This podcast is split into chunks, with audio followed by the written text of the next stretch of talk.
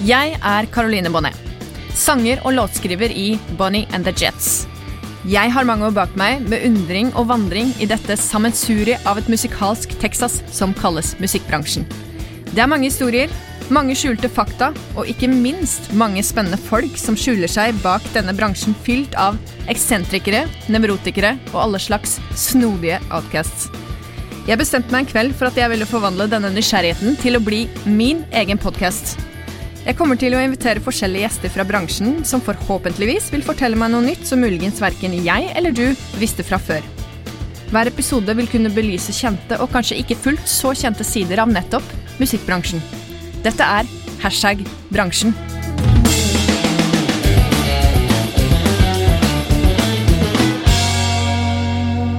Maria Solheim, velkommen til hashtag bransjen. Tusen hjertelig takk.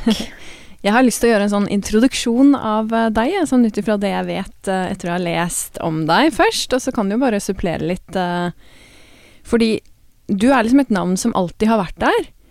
Du er jo et kjent og kjært navn for veldig mange som hører på musikk, og som jeg leste, så ble du oppdaga som artist i en alder av 15 år, og har da siden vært med i musikkbransjen og gitt ut veldig mye musikk.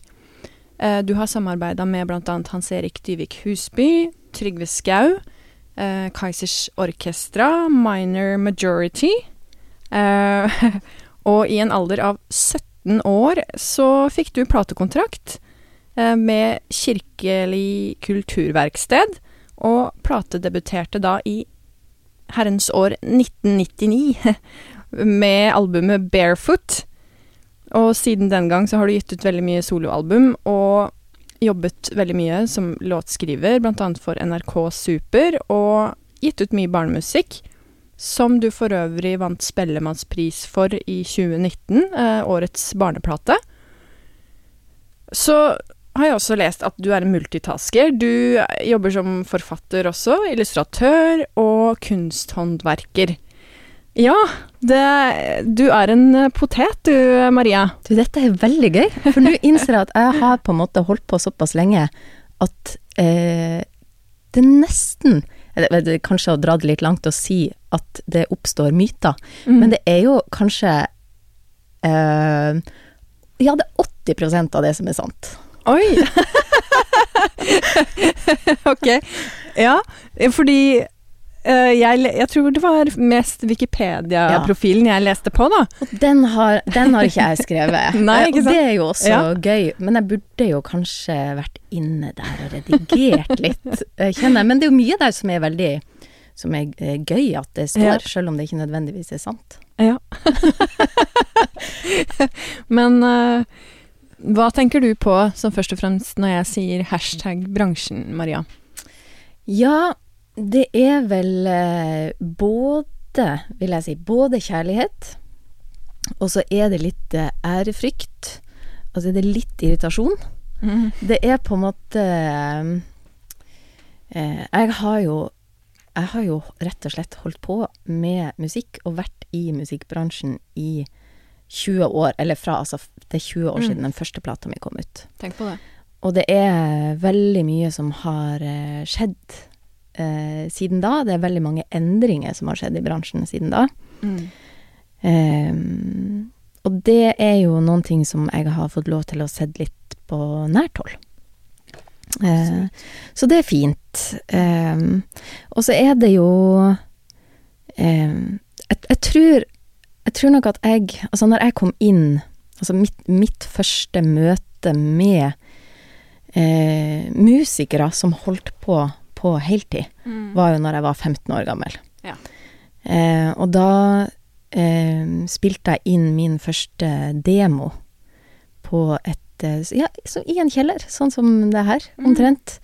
Eh, med eh, Børge Pettersen Øverleir, eh, Otternes eh, og eh, Jo Børge Askeland og Bengt Egil Hansen. Og alle de var jo veldig var veldig sånn hotshots da. Eh, de er jo veldig dyktige musikere.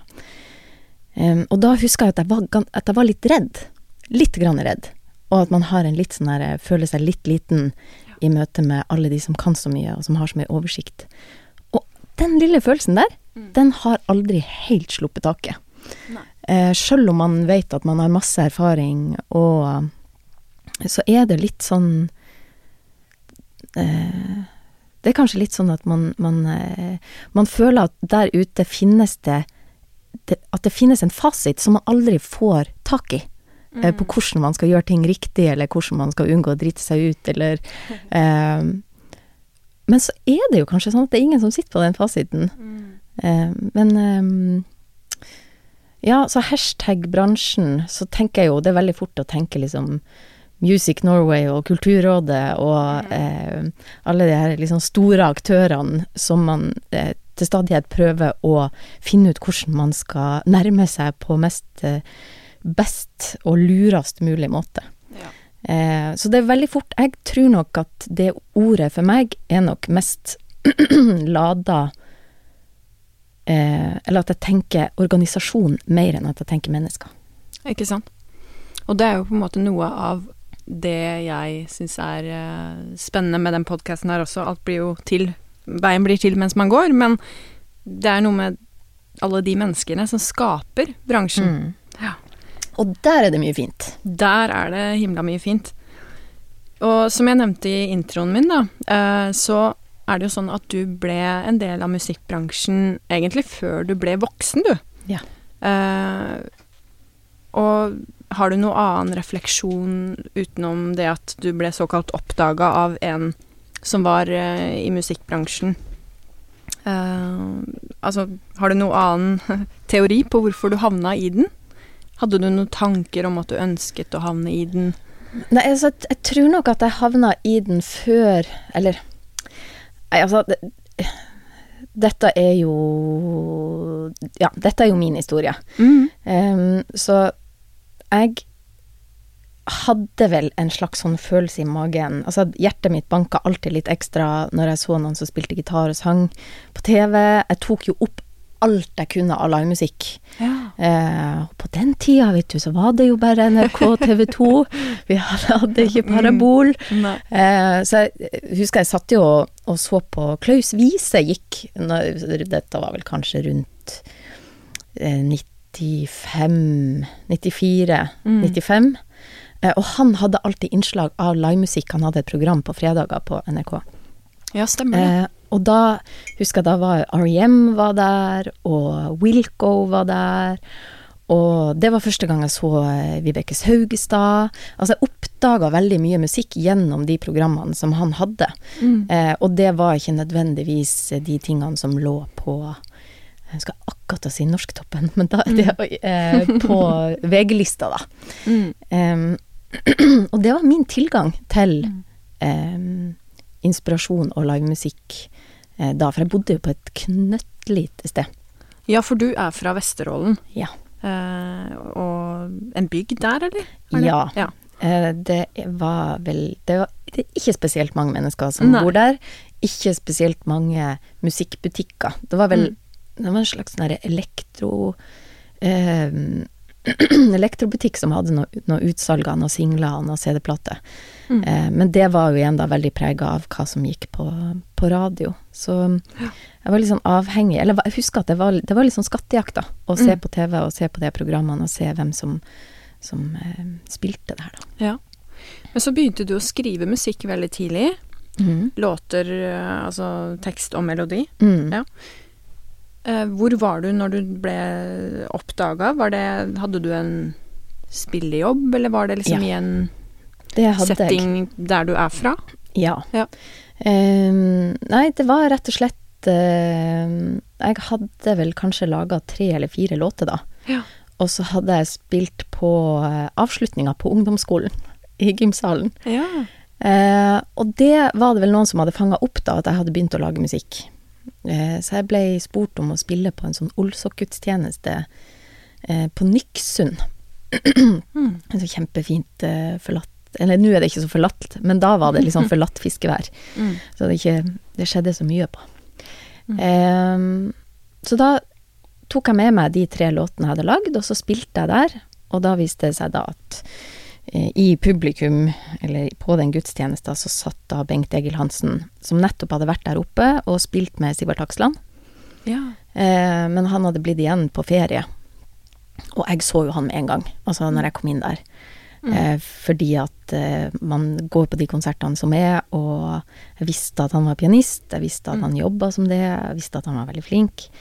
Og igjen da så var det en sånn Jeg følte at det um, Følte en connection, da. Ja. Eh, så det er vel kanskje eh, Selv om jeg ikke hadde en sånn herre Jeg vil Jeg skal gi ut min musikk, jeg skal bli Mm. popstjerne. Hadde ikke noen sånne tanker, men jeg følte bare en sånn ekstremt sterk dragning til Mm. musikk og til musikere og eh, til det å skrive. Ja.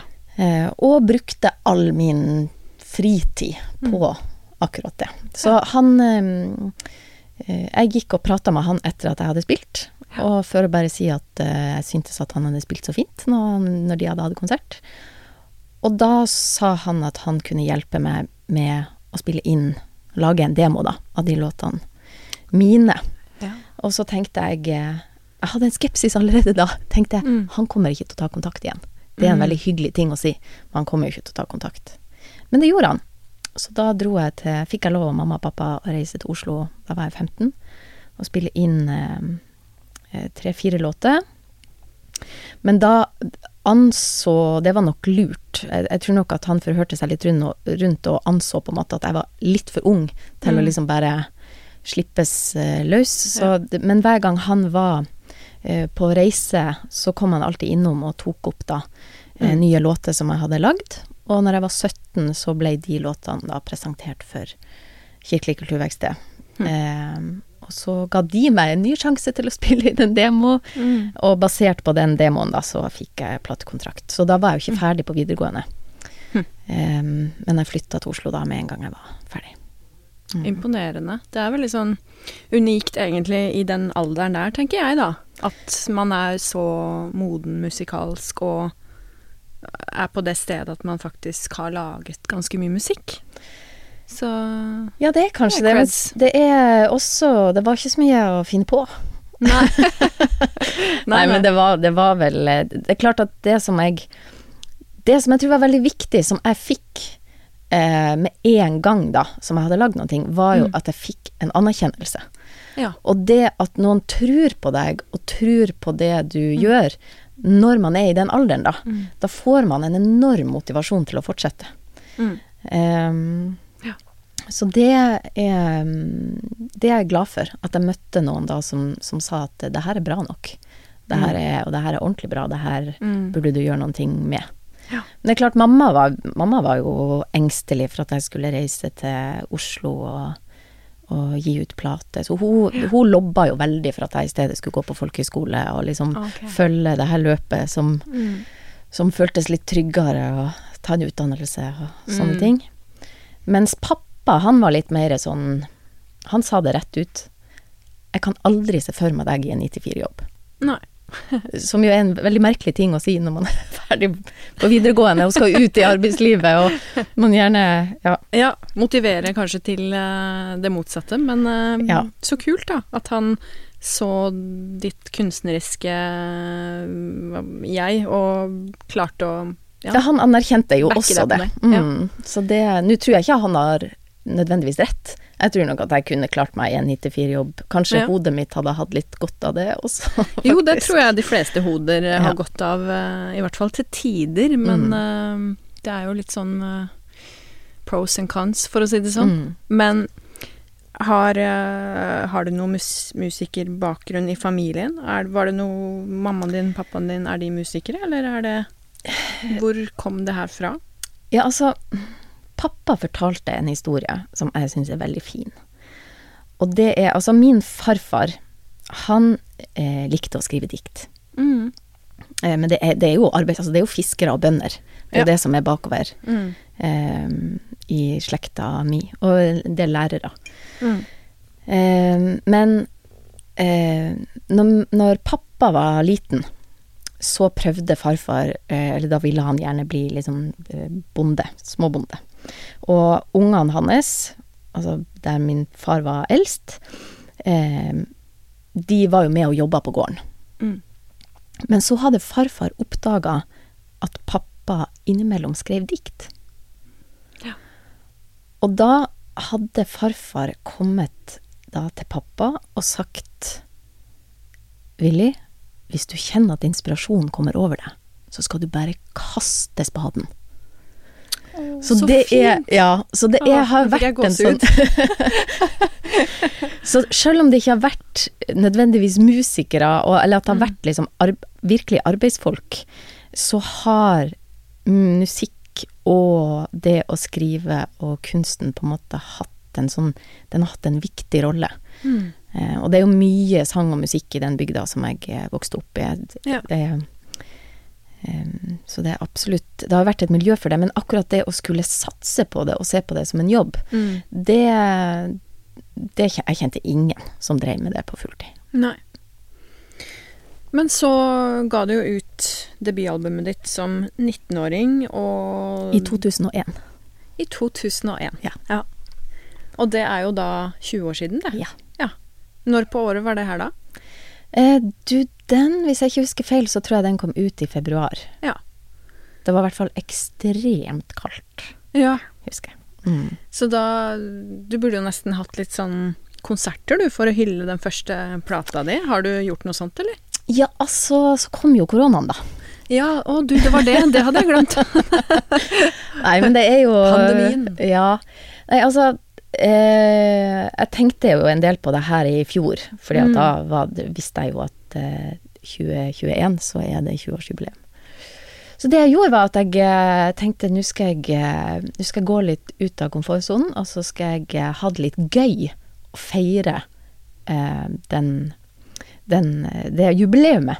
Så jeg Mm. meldte meg på Grand Prix. For det har jeg alltid hatt lyst til, Ah. og så har jeg tenkt at det Eh, det er det så mye meninger om.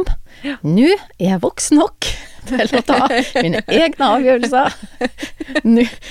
Så det, det gjorde jeg da i vinter. Da var jeg eh, Ah. med på, eh, på det norske Melodi Grand Prix.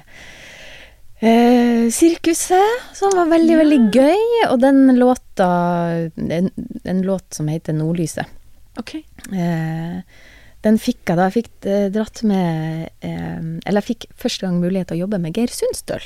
Mm. Eh, så han har da eh, produsert den låta. Så er den skrevet av noen veldig dyktige eh, låtskrivere som er tilknytta eh, MGP. Eh, eh, så fikk jeg masse radiospilling på den, så jeg har, ble eh, lista på P1 i, i det året jeg hadde jubileum. Det syns jeg er fint. Jeg vet ikke om jeg trenger å Eller ja, jeg skal gi ut plate, da. Det skal Ja. jeg faktisk gjøre. Nei, men så gøy. Grattis. Jeg, du får ha meg unnskyldt. Jeg følger faktisk ikke med på Grand Prix, så jeg, det, Det- hadde ikke jeg fått med meg. Nei, men det gjør jeg. Jeg Ja. elsker Grand Prix. Ja. Det har jeg alltid gjort. Ja. Morsomt, morsomt. Det er Mm. viktig å utfordre seg sjøl og ja, gjøre litt sånne utradisjonelle ting. Mm. Men du har jo da, siden du starta i bransjen før du øh, ble voksen omtrent, turnert og spilt konserter og ja Gjort ekstremt mye forskjellig. Mm. Har du noen sånn spesiell historie fra veien, eller noe sånn øh, Et eller annet du tenker tilbake på bare off, hashtag bransjen, altså. At du bare Typisk Ja. bransjen. Ja, eller nei, jeg vet ikke om Jeg kan ikke si typisk, men, men og dette hadde jeg glemt! Ja. Jeg kom på nå. Okay. Eh, det var mye rart man var med på i begynnelsen. Mm. Eh, og apropos eh, sånne sangkonkurranser, mm. så eh, Altså, det var jo det, Dette må ha vært ganske tidlig. Dette må ha vært 2001, tror jeg. Mm. Jeg hadde, jeg hadde nettopp skinna meg, og hadde altså den verste hårfrisyren jeg noen gang har hatt. Gjorde det sjøl med Lady Shave. Det anbefales ikke. Eh, det anbefales ikke. Eh, og så hadde jeg da eh, blitt spurt om å være med på Altså, jeg hadde jo ikke noen manager. Jeg var, altså, kom jo rett fra Kom jo virkelig fra bygda. Ja. Eh, så jeg hadde spurt broren min om ikke han kunne være manager for meg en periode. For han jobba da Da jobba han i, Free Record Shop i Trondheim. Okay. Så det var på en måte Det føltes litt sånn trygt. Jeg tenkte han hadde litt oversikt og, Mm. og sånn. Eh, så jeg og han dro på noen ting som heter Baltic Song Contest et eller annet sted i Sverige. Og der var det Altså, det var det et Det, var et, eh, det må ha vært et sånt polsk orkester. Jeg liker det allerede. som da Altså, eh, jeg hadde jo da en låt ute. Eh, Mm. som, det er kanskje den låt eh, den av mine låter som har gått best, eller surra mest på radio. Den heter oh. 'Lady of My Life'. Veldig fin. Tusen takk. Tusen takk. Den hadde jo da eh, Den hadde ganske høy rotasjon da. Så jeg skulle gjøre den låta på den her Baltic Song Contest, og den var blitt da arrangert for det her strykeorkesteret, Mm. eh, med en veldig sånn engasjert polsk dirigent. Mhm.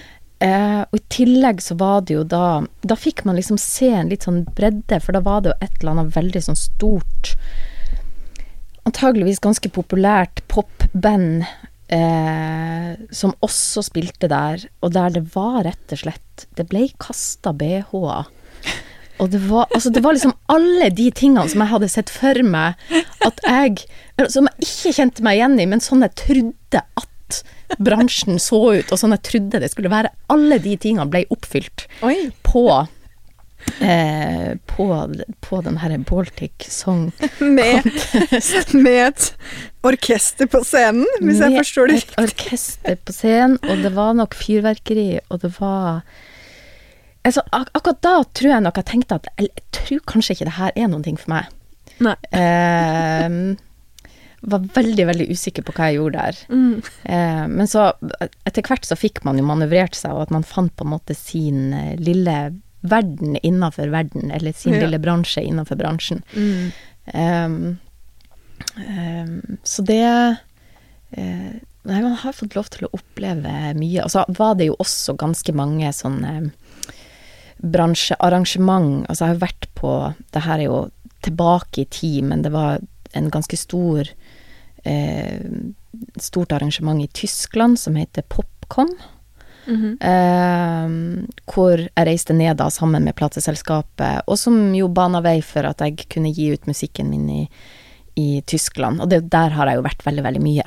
Ja, ok. Eh, og så har jeg vel vært på noe sånn uh, Hva det heter nede i Cannes også. Mm. Så jeg har vært litt nedover i Europa. Ja, og, og i, også i England.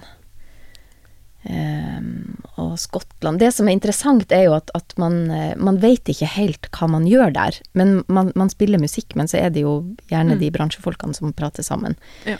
Um, men igjen da, så har nok jeg alltid i de sammenhengene følt meg sånn bitte litt lite av at jeg ikke helt skjønner hva som skjer. Og så har jeg vært alltid veldig, veldig skeptisk til å skrive under på kontrakter. Så Mm. der har jeg heldigvis hatt og knytta til meg gode folk som har vært med og tatt de avgjørelsene. Mm. Og det var nok viktig. Jeg var jo 18 når jeg spilte inn den første plata, så 19 når den kom ut. Ja. Um, og så gikk det ikke så lang tid før jeg fikk uh, et ordentlig management. I, i, altså all respekt til min bror, han gjorde en kjempegod jobb på Baltic Song Contest. Eh, men eh, det tror jeg nok Jeg skjønte ganske fort at det er viktig at jeg samarbeider med folk som kan bransjen, og som også kan se hva som kan Mm. være lurt. Ja. Eh, For jeg var nok ganske sårbar og, Mm. og eh, i, det, i, i den fasen der, da. Men Mm. ting ble jo også ganske stort. Det var jo en annen tid. Ja. Um, bransjen så jo helt annerledes ut da. Mm. Ja. Hva tenker du er det som har forandra seg mest, sånn når du ser tilbake på hvordan det var, og du sier at det var en annen tid, og er det Hva er det som markerer seg mest i den eh, Ja, det vil jeg jo si. Det vil jeg jo si at det som kanskje har endra seg aller, aller mest, er jo at det finnes ekstremt mange plattformer der man eh, kan slippe musikken sin, og der man Mm. kan vise fram musikken sin. Og det gjør jo at ting blir kanskje litt mer eh, Litt, litt eh, mindre oversiktlig. Ja. Eh, fordi at når jeg eh, slapp den første plata, så var det jo Da prøvde man jo gjerne å, å um, få musikken sin vist fram på NRK, kanskje TV 2, og så var det jo da eh, radiokanalene som NRK hadde, og P4, Mm. kanskje. Mens nå så er det jo Så må man jo eh, mestre det her store internettet og man skal lage seg profil på Spotify, man skal få folk til å følge der, man skal gjerne ha en ordentlig profil på Facebook og få folk til å følge der, og så skal man også gjerne ha en ordentlig profil på Instagram. Mm. Og i tillegg så er det veldig, veldig nyttig at man har en ordentlig hjemmeside. I tillegg til det så skal man gjerne ha da en sånn EPG, eller nei, kanskje ikke EPG det heter, men en sånn side eh, der eh, utenlandske bransjefolk kan komme inn. Altså ja. man skal ha ting både på norsk, man skal ha det på mm. engelsk, man skal tenke bredt. Mm. Um, og så skal man gjerne ha da uh, publishing og management og booking, og plateselskapene har jo også endra rollen sin. Mm. Um, og eh, man må Man må gjøre så jeg hørte jo når du prata med Hilma, det er jo sånn man, gjør, man må gjøre veldig mye sjøl ja. også, og man må ha et eget initiativ. Mm. Eh, mens når jeg ga ut eh, den første plata, så var det Da fokuserte jeg jo egentlig bare på å spille. Ja. Og lage musikk og prøve å ikke si noe dumt i intervju. Ja. Det var på en måte det. Um, men mm. Mens nå så er det en musiker må gjøre så ekstremt mye, og helst mm. være god på eh, mm. mye, og gjerne ligge et steg foran. Eh, ja.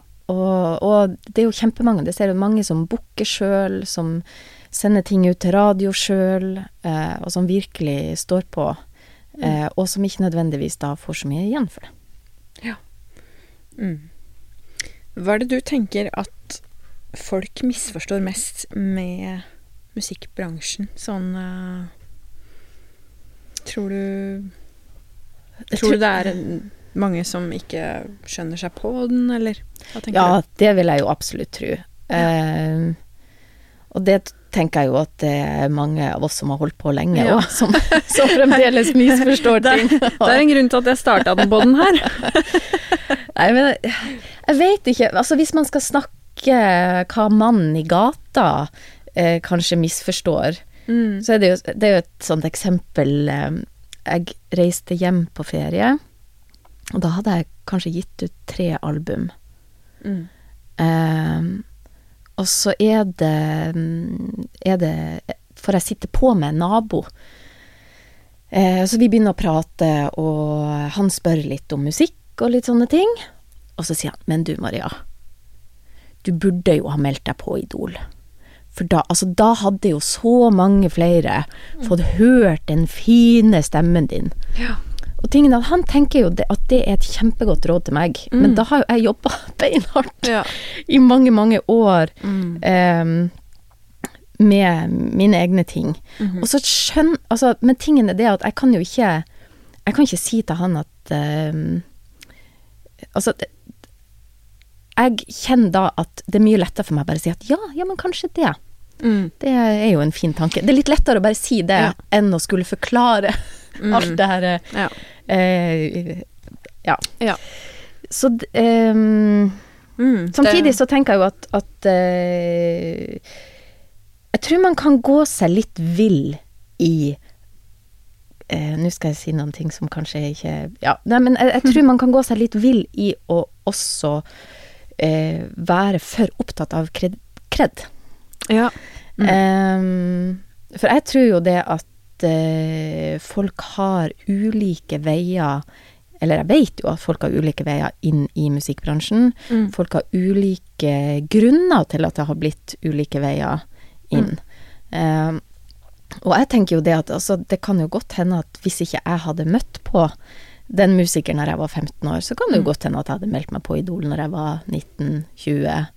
Mm. Um, det er liksom vanskelig å vite, så jeg tenker ja. at man, man, man, kan le litt av det, og samtidig så mm. skal man ikke le altfor høyt, fordi at uh, når man har en så sterk trang til å holde på med musikk, så, mm. så er det vanskelig å ikke ønske at uh, man skal få lov til å holde på med det, og da kan man gjøre litt sånn hva som helst, da. Ja. Det er sant. Jeg leste også, om det stemmer da, at du, at du var med i skrivesirkelen Slipp språket løs. Ja, med den var viktig. Lars Saabye Christensen. Ja. Fortell litt om det. Hva var det for noe? Åh, heia alle voksne mennesker som bruker av sin fritid til å oppmuntre barn til å skrive, og ungdom til å skrive. Ja. Um, nei, jeg gikk jo da kanskje i åttende klasse, niende klasse. Altså, dette var jo tilbake i den tida der man ikke gikk fra første til tiende, men man gikk fra Mm. første til niende. Ehm, og jeg hadde da en norsklærer som så at jeg likte å skrive. Mm. Og hun eh, hadde da starta denne skrivesirkelen med Lars Aaby. Eh, og eh, det var et prosjekt som gikk Et regionalt prosjekt. Altså Vesterålen består jo da av fem kommuner. Eh, men det er jo ikke sånn kjempemye folk, sånn at eh, man, man prøvde da å samle alle de som var interessert i å skrive, eh, på ett sted. Ja. Eh, og da eh, holdt eh, de Altså det her Slipp språket løs-prosjektet, da inviterte de forfattere Altså Erlend Lo var der oppe, Gro Dale var der, og holdt liksom inspirasjonskurs. Mm. Eh, og mm, skrive Altså det var skriveøvelser eh, for ungdom. Eh, jeg vil tro at det var mellom var kanskje mellom 13 og 18 år, eller noe sånt. Ja, Så fint. Mm. Og så ble det samla, alle de diktene, ble det gitt ut en bok. Ja. Um, så det var Altså igjen, da. I den alderen der så er det så viktig Det er ikke nødvendigvis så viktig å få vite hvordan du skal lage en låt, men det er viktig å bli sett. Ja. Eh, og at det er noen som bare lytter på det du lager, og som gir innspill og eh, Så det var nok kanskje det viktigste for meg, at det var noen som gidda å lese gjennom det som jeg skrev, og Mm. eh, ga konstruktiv kritikk, da. ja, det er så betydningsfullt. Mm. Ja. Undervurdert. Mm. Men eh, Så du tenker at det hadde en viktig effekt på din motivasjon for å Absolutt. skrive musikk og Ja. Og, og det var også da jeg fikk jo Det er jo igjen da det å komme fra et lite sted. Så med en gang noen så at jeg likte å skrive, så ble jeg jo også spurt om jeg ville skrive for lokalaviser. Så jeg var jo Ah. eh, Jeg tror jeg fikk min første frilansjobb når jeg var 14. Eh, Ja. Og så skrev jeg for både for regionalavis og for eh, lokalavis fram til jeg flytta når jeg var 18. Så da fikk jeg jo Da, da, måtte jeg på en måte velge litt mellom to Mm. store drømmer, for jeg hadde jo også lyst til å bli journalist. Ja. Um, og jeg visste at jeg eh, hadde vært såpass opp og ned i følelseslivet mitt på videregående at jeg hadde ikke bra nok karakterer til å komme Mm. inn på journalisthøgskolen. Men hvis jeg da hadde to år med jobb i en redaksjon, så hadde jeg mulighet til å søke. Mm. Og så fikk jeg tilbud om fast stilling omtrent samtidig som jeg fikk den eh, platekontrakten. Så da eh, valgte jeg jo da musikken. Ja. Men jeg har jo skrevet en del, eh, Ja. og skriver fremdeles innimellom. Da. Ja, nettopp. Mm. Hmm. Er det tekst eller melodi som kommer først når du lager låter? Det varierer. Det er det ingen fasit på. Nei. Det som men, men innimellom kommer det også samtidig. Mm. Mm. Uh, og jeg skriver en del musikk når jeg er ute og kjører. Ja vel. Altså ikke Jeg sitter Jeg holder selvfølgelig hendene på rattet, men, men det er um, eh, Jeg har Nå kommer det jo en plate i 5. november, Mm. og uh, på den eh, plata der så har jeg en låt som heter 'Alone In My Car'.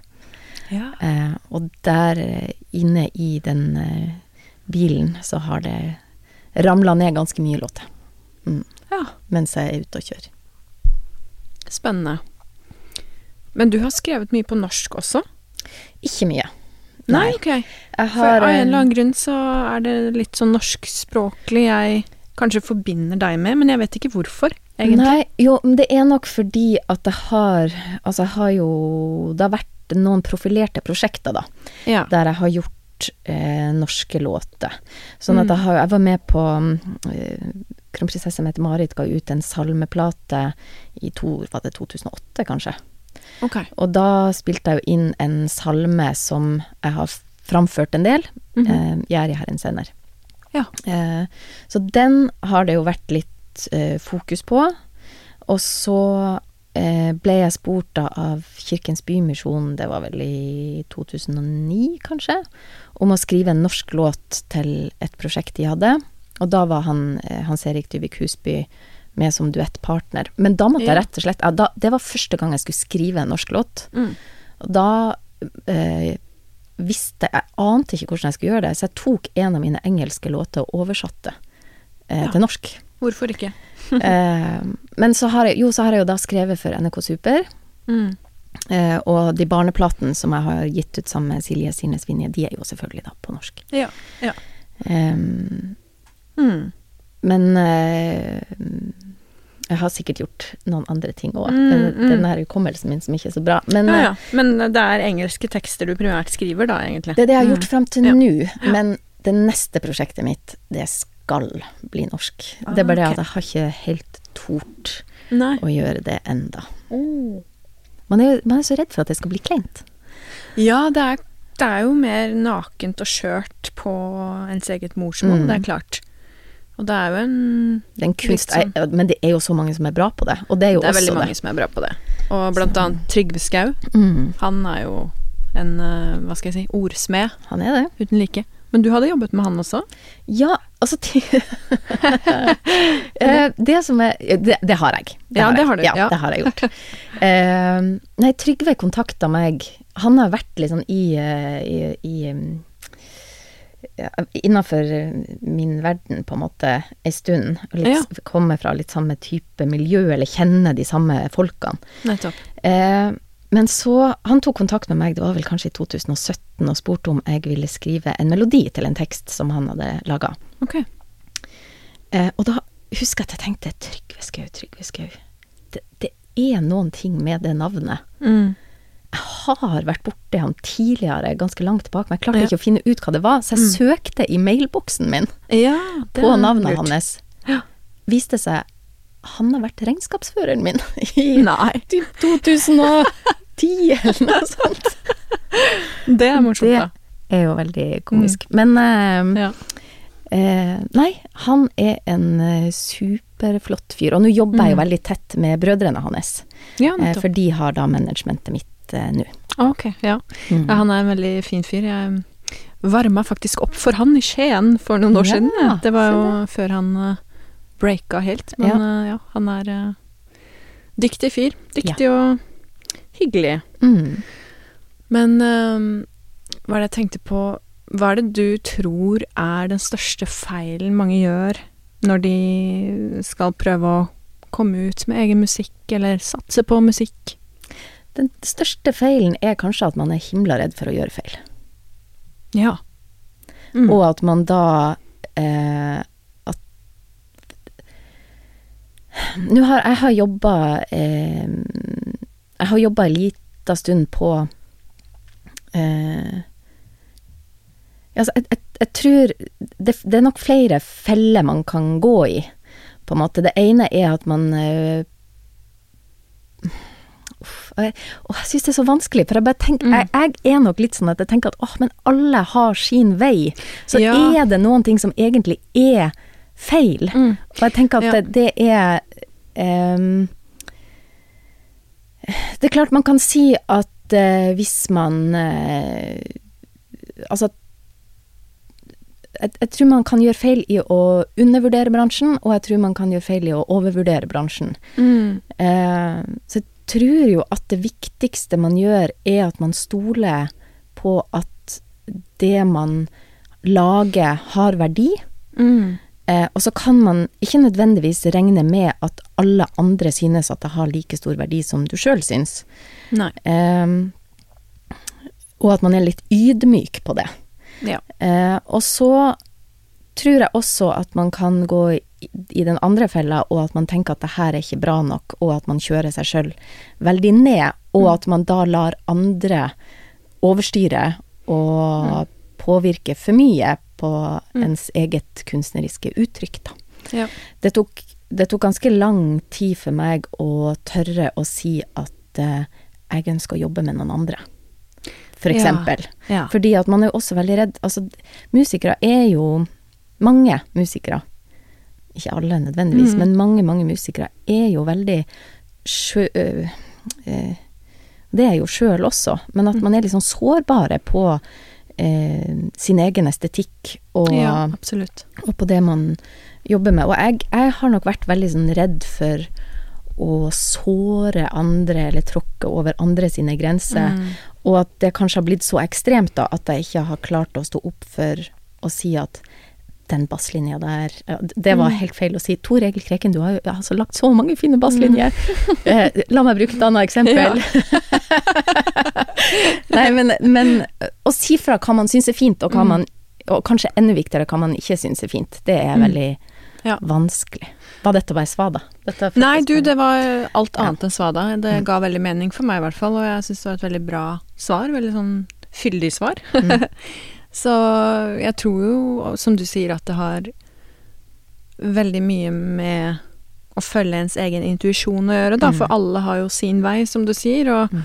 Det er jo um, Det fins ingen fasit i, Nei, det gjør eh, ikke i det. det. Det gjør ikke det. Og altså, det, tenker jo at det er det som gjør Hvis man skal tenke på musikk som, som eh, Hvis man ikke skal tenke bruksmusikk, men tenke Mm. musikk som kunst, da, Ja. så er jo det som gjør det interessant, er jo når folk har sin Mm. egen Altså at man får høre folk sine stemmer. Ja. Um, og at det er veldig utviklende. Mm. Ehm, så det har nok jeg Det har jeg måttet jobbe litt med, men, men ehm, eh, En annen ting som, som jeg syns har vært fint, Mm. en måte som jeg liker å jobbe på, det er jo på mine prosjekter så i stedet for å tenke at jeg skal detaljstyre de som skal være med og spille i bandet mitt, Mm. så velger jeg eh, å spille med musikere der jeg allerede respekterer deres musikalske uttrykk. Ja. Og på den måten så kan jeg eh, Sånn som for eksempel når jeg jobba Jeg har lenge hatt lyst til å jobbe med Geir Sundstøl. ja. Og eh, når jeg velger han som produsent, da betyr det at da, da kjøper jeg Geir Sundstøl, på en måte. Det er noe med Da, det. da, er det ikke, da, kan, da har ikke jeg så lyst til å gå inn og si at kan du spille på den måten, eller kan du gjøre det på den måten. Mm. Da har jeg lyst til å høre hvordan han tolker min musikk. Ja. Det er det som er interessant for meg. Mm. Eh, og det samme når jeg jobba med Emil Nikolaisen. Altså, tingen er Når jeg ga ut min første plate, jeg var veldig stolt av den, og det er jeg jo fremdeles. Det var den veien jeg gikk. Mm. Ja. Em, men da havna jeg jo inne i popsegmentet. Og som jo egentlig var musikk som jeg ikke hørte på så mye sjøl. Jeg følte meg vel kanskje Eller syntes det var mer spennende med litt ra rarere ting. Mm. Um, så jeg ga vel ut av de to første platene, som jo fikk kjempebra kritikk. Uh, og uh, ga meg masse jobb, og som var på en måte min vei inn. Uh, veldig fornøyd med det, men jeg følte jo at jeg var i feil sjanger. Ok. Og så fikk jeg vite litt sånn via via at Emil Nikolaisen, som jo da var en indie-prins, eh, at han hadde sagt at han ikke likte det første albumet mitt så spesielt godt. Ok. Eh, og det syntes jeg var interessant, for da tenkte jeg hvordan ville det vært Mm. om jeg da tok med mine låter til han, og at han fikk gjøre det Ja. han trodde ville være det beste for mine låter. Mm. Eh, så da eh, må jeg jo si at jeg, jeg mista nok en del publikum på å bytte over, på grunn av at da mista man litt den kommersielle Ja. eh, verdien Mm. i eh, musikken min. Og jeg mista også en del det var, Jeg fikk vel en del mailer, mailer fra Tyskland som bare var sånn Hva i all verden er det du gjør nå? Oh, ja. Ehm, når jeg begynte å jobbe med han. Men da kjente jeg at nå er er jeg endelig i den sjangeren Ja. som jeg jo egentlig alltid har hatt lyst til å være. Ja. Og så gjorde jeg det i noen år. Jobba på eh, to-tre eh, utgivelser sammen med han. Og så tenkte jeg nå har jeg lyst til å gjøre noe nytt. Mm. Nå har jeg lyst til å sjekke ut hva som skjer hvis jeg jobber med han, eller Mm. hvis jeg jobber med ho. Ja. Ehm, og det har vært veldig sånn utviklende for meg. Så i stedet for at jeg Jeg har ikke nødvendigvis hatt en sånn um, Jeg har ikke detaljstyrt musikken min så mye, men jeg har valgt å jobbe med musikere som jeg har respekt for, Mm. og som jeg liker uttrykket til. Mm. Um, det Ja, det har vært min vei å, å gå, da, med mine ting. Spennende. Hvor er det du definerer deg sjøl nå, altså i forhold til sjanger? Det er alltid vanskelig å hva skal jeg si, stemple sin egen musikk, men hvilket landskap eh, vil du si du ligger i nå? Ja, med den herre Jeg vil jo si at det albumet som kommer nå, er mye mer eh, folk eh, inspirert. Ja. På noe vis. Eh, uten at jeg vet om jeg eh, Det er nok Det er mer eh, stil eh, Ja, litt, litt stilgitar, litt eldre instrumenter. Litt eh, mer tradisjonell måte å spille gitar på, kanskje. Um, men så er det jo også Jeg har fått en fantastisk bassist som er med på denne plata, som heter Jo Berger Myhre, som har, Mm. som har da eh, hatt en del av sin utdannelse, hvis jeg har forstått det riktig, i et av de arabiske landene. Så man hører liksom Man hører liksom sånne Ah. Er undertoner Ja. i det. Og så har jo da eh, trommisen Erland Dalen Mm. Han har jo da ikke bare spilt tromme, men han har også tatt med seg en sag. Eh, så det er litt sånn Jeg vet ikke om han har noe godt uttrykk, for det er jo ikke, det er jo ikke countrymusikk, men det er jo på en måte eh, litt mer folk, eh, folk ja, altså, det, er jo, det er jo singer-songwriter den er, Ja, Det er jo så bredt, da. ja, det er det. Men det er vanskelig å Mm. Hvis jeg skal si det sånn, da. Det er vanskelig å sende inn denne plata og si at det er pop.